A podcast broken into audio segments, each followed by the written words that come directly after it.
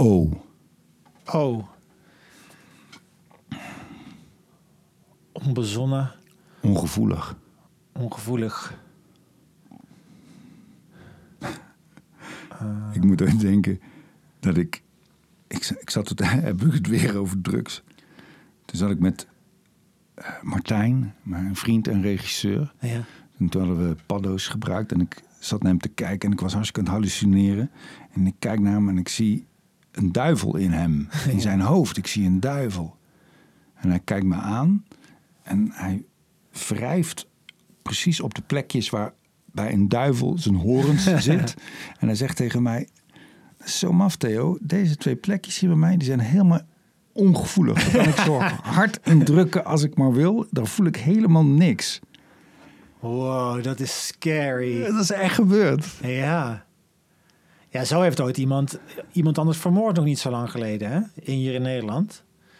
Een of andere kerel die ook allerlei dingen door elkaar had gebruikt. En die, eh, die zat met zijn huisgenoot en die zag daar ook de duivel in. Maar die heeft hem eh, doodgeslagen met een hamer of zo. Nee. Maar Ja, die, is, is nog niet zo lang geleden. die neiging had ik gelukkig Dus helemaal dan niet. komt Martijn nog goed weg. Ja, Ja. Ongevoelig. Er is zo'n... eh, een volgens mij was het een vriend van, van Stalin. En dit is een, wat mensen kunnen hebben. hè, Dat je helemaal... Dat je, dat je huid ongevoelig is. Dat je ongevoelig Ja. bent voor pijn. Ja. En eh, dat doet iets heel raars met een geest ook. Het is heel goed dat we gevoelig zijn en pijn kunnen. Ja, het is een soort Ik ja. denk ook dat je jezelf niet ver- verbrandt te, te veel... of dat je wegblijft bij dingen die mogelijk...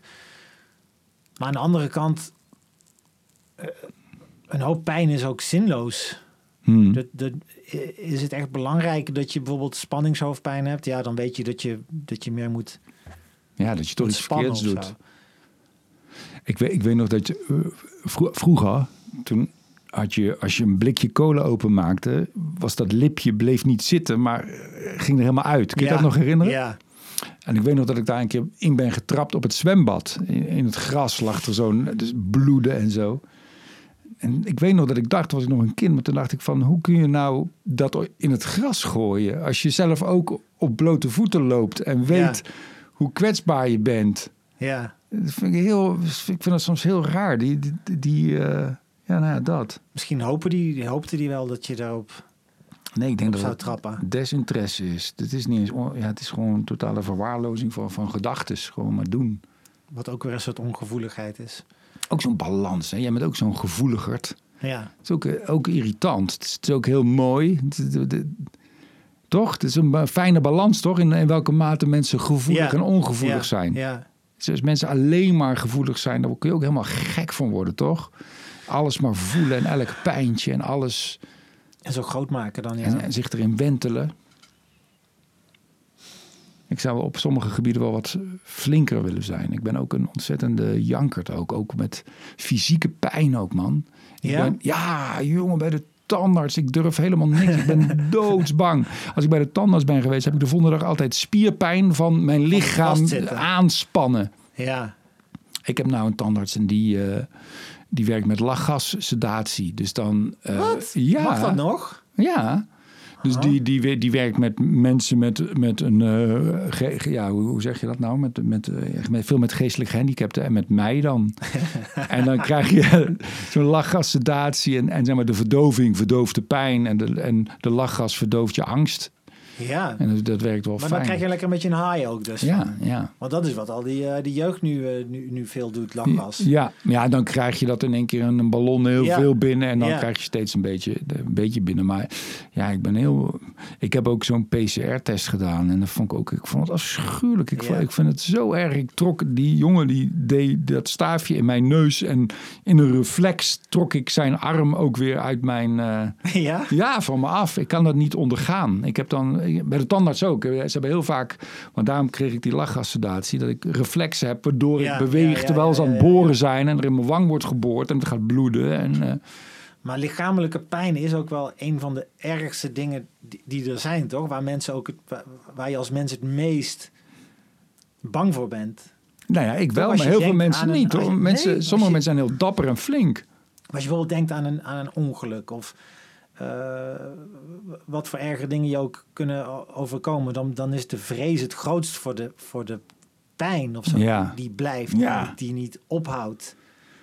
Maar dat maakt ook dat je oplet. Ik heb ook altijd die, het- de fantasie. Ik heb gelukkig nog nooit iemand echt aangereden. Maar ergens heb ik het idee, dat heb ik ook bij radioactiviteit. Als ik dat zie in een film, dan voel ik dat helemaal. Dan denk ik, oh, ik weet hoe dat is om, om helemaal radioactief te worden. En dan, ja, weet ik veel. Ja. En ook iemand aanrijden. Dat ik in de auto zit en tegen iemand opbots. En dat, dat hele gevoel en die gewaarwording, dat kan ik helemaal Ja. doorvoelen. Dat is heel akelig. Ik heb, ik heb dat met eh messteken. Oh ja, ja. Daar word ik heel misselijk van. En dat is ook iets waar ik veel te lang over, over, over na kan denken. En ook waar ik heel vaak over droom. Dat je gestoken wordt. Ja, ja nou, de, de, meestal gaat het zo dat ik, dat ik dus word aangevallen door iemand met een mes. En die, die staat op het punt mij te steken. En dan denk ik, nu gaat het gebeuren. Maar dan op de valreep pak ik het mes af en steek ik diegene.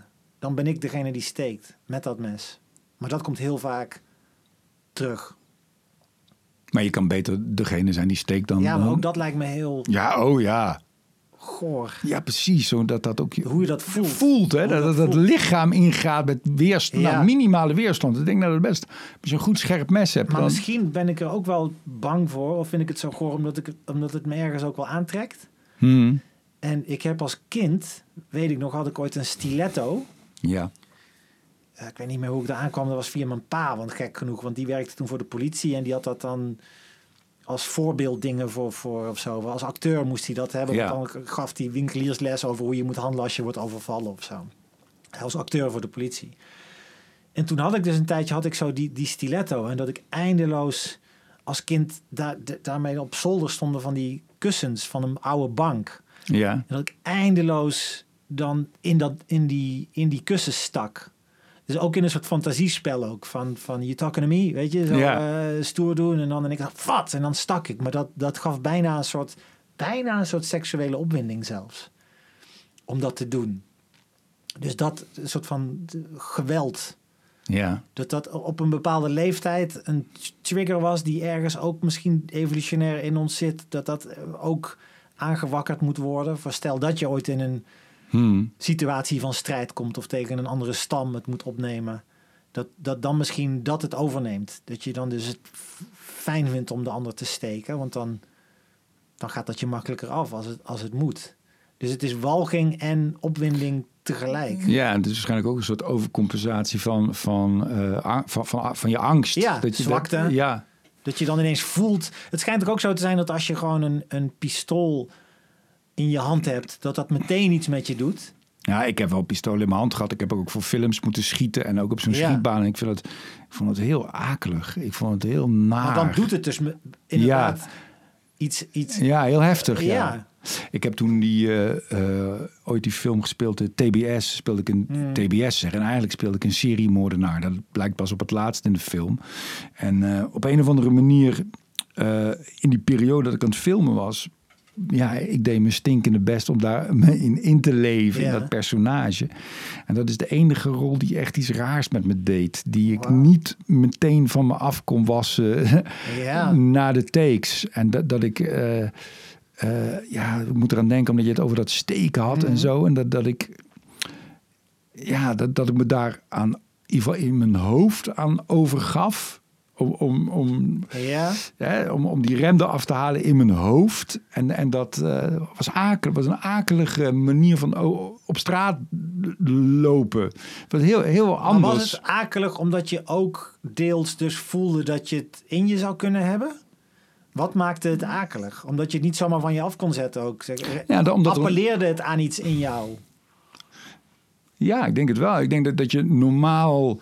Ik, ik ben op een bepaalde manier denk ik wel netjes opgevoed. En eh, zitten er, eh, is, is het stevig, zijn- zijn de verkeerde dingen best wel goed aangesnoerd.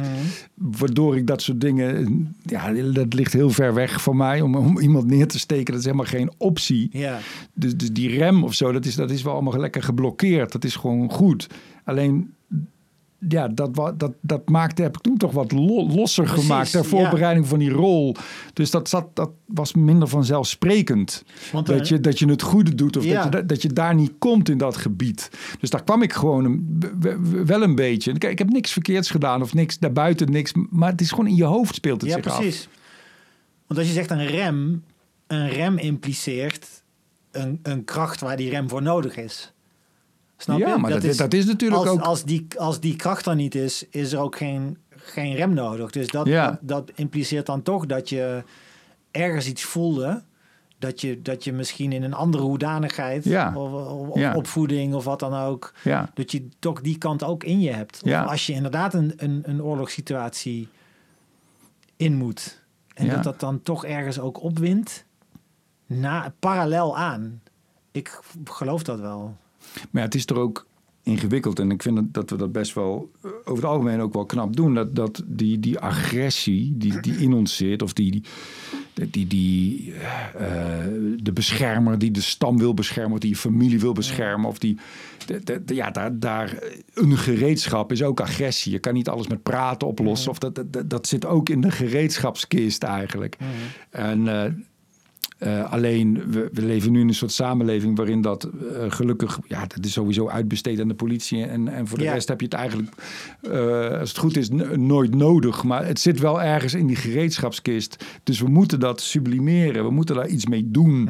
Eh, en, sport of humor, of het kan, het kan op allerlei Films manieren. kijken of... of Ja, omdat ja, we, moeten, we moeten daar wel iets mee. Ja. Ja, en dat, dat is zwaarder als je jong bent ook nog, zoals de middelbare school. Omdat het dan nog wel op, op de proef, vaker op de proef gesteld kan worden Mhm. of zo. hè. Als volwassene is het nog makkelijker om te zeggen, ik, ik maak daar mijn handen niet aan vuil. Of er is, zijn instanties, of je belt de politie. Of, Ja, je hebt een koeler hoofd. ja, ja. Maar het is raar. Het is natuurlijk ook raar met al dat, al dat seksueel grensoverschrijdend gedrag waar, waar nu sprake van is. Dat is natuurlijk hetzelfde met die agressie. Dat is natuurlijk ook met seksualiteit. Dat zit ook. Ja, we doen nou net ook alsof er, hè, er zijn duidelijke grenzen. Daar ga je overheen en je moet je maar gedragen. Maar hoe daarmee om te gaan, zoals je moet leren hoe je met je agressie om moet gaan, moet je ook leren hoe, hoe je met die seksualiteit en met die geilheid, hoe je daarmee om moet gaan. Ja. Wat voor vorm je daarvoor moet vinden en hoe je dat moet. Je kan niet alleen maar de deksel op de pan houden. Nee, precies. Want dan wordt het ook pervers, dan kookt het over. Of dit is... En ik vind wel dat we daar veel te weinig. eh, ja, ik Precies, we wachten op een schandaal en dan Ja. kunnen we alleen heel heftig eh, iets, iets veroordelen. Maar we kijken inderdaad minder naar hoe doe je dat in een beschaving, ook terwijl je ook een dier bent. Hoe, hoe, hoe Ja. combineer je dat? Ik heb het idee dat dat op scholen ook niet, nog steeds niet echt een plaats krijgt. Nee. Je krijgt, je krijgt maatschappij, maatschappijleer, maar dat, dat gaat er niet echt, volgens mij echt diep op in. Nee, seksuele En, en je krijgt voorlichting. biologie, seksuele voorlichting, eicel, zaadcel. Gebruik condooms. Ja, Ja. maar dat je daar eh, al op school veel beter op in zou gaan. Het is ook Met moeilijk. films ook, met, Ja. met, met, met literatuur. Over, en dan daarover hebben van waar liggen nou hier die, die grenzen en waarom. En, en wat, is, wat is belangrijk. Ja, dat is ook een beetje het, het monster in de bek kijken, toch? Ja. En dan met z'n allen. En dan, ja, wat zien we nou? Wat zijn we nou? Wie zijn we nou? En hoe, hoe moeten we daarmee omgaan? Ja. Maar ik vind het zelf ook moeilijk, want ik, ik eh, bij mijn oudste zoon of zo vind ik het ook lastig om daarover over te beginnen. Ja, die heeft er helemaal geen Die zin wil, in die wil dat helemaal niet horen. Nee. Daarom dat dat toch beter is als, als dat op een school wordt gedaan. Want dat is wat onpersoonlijker.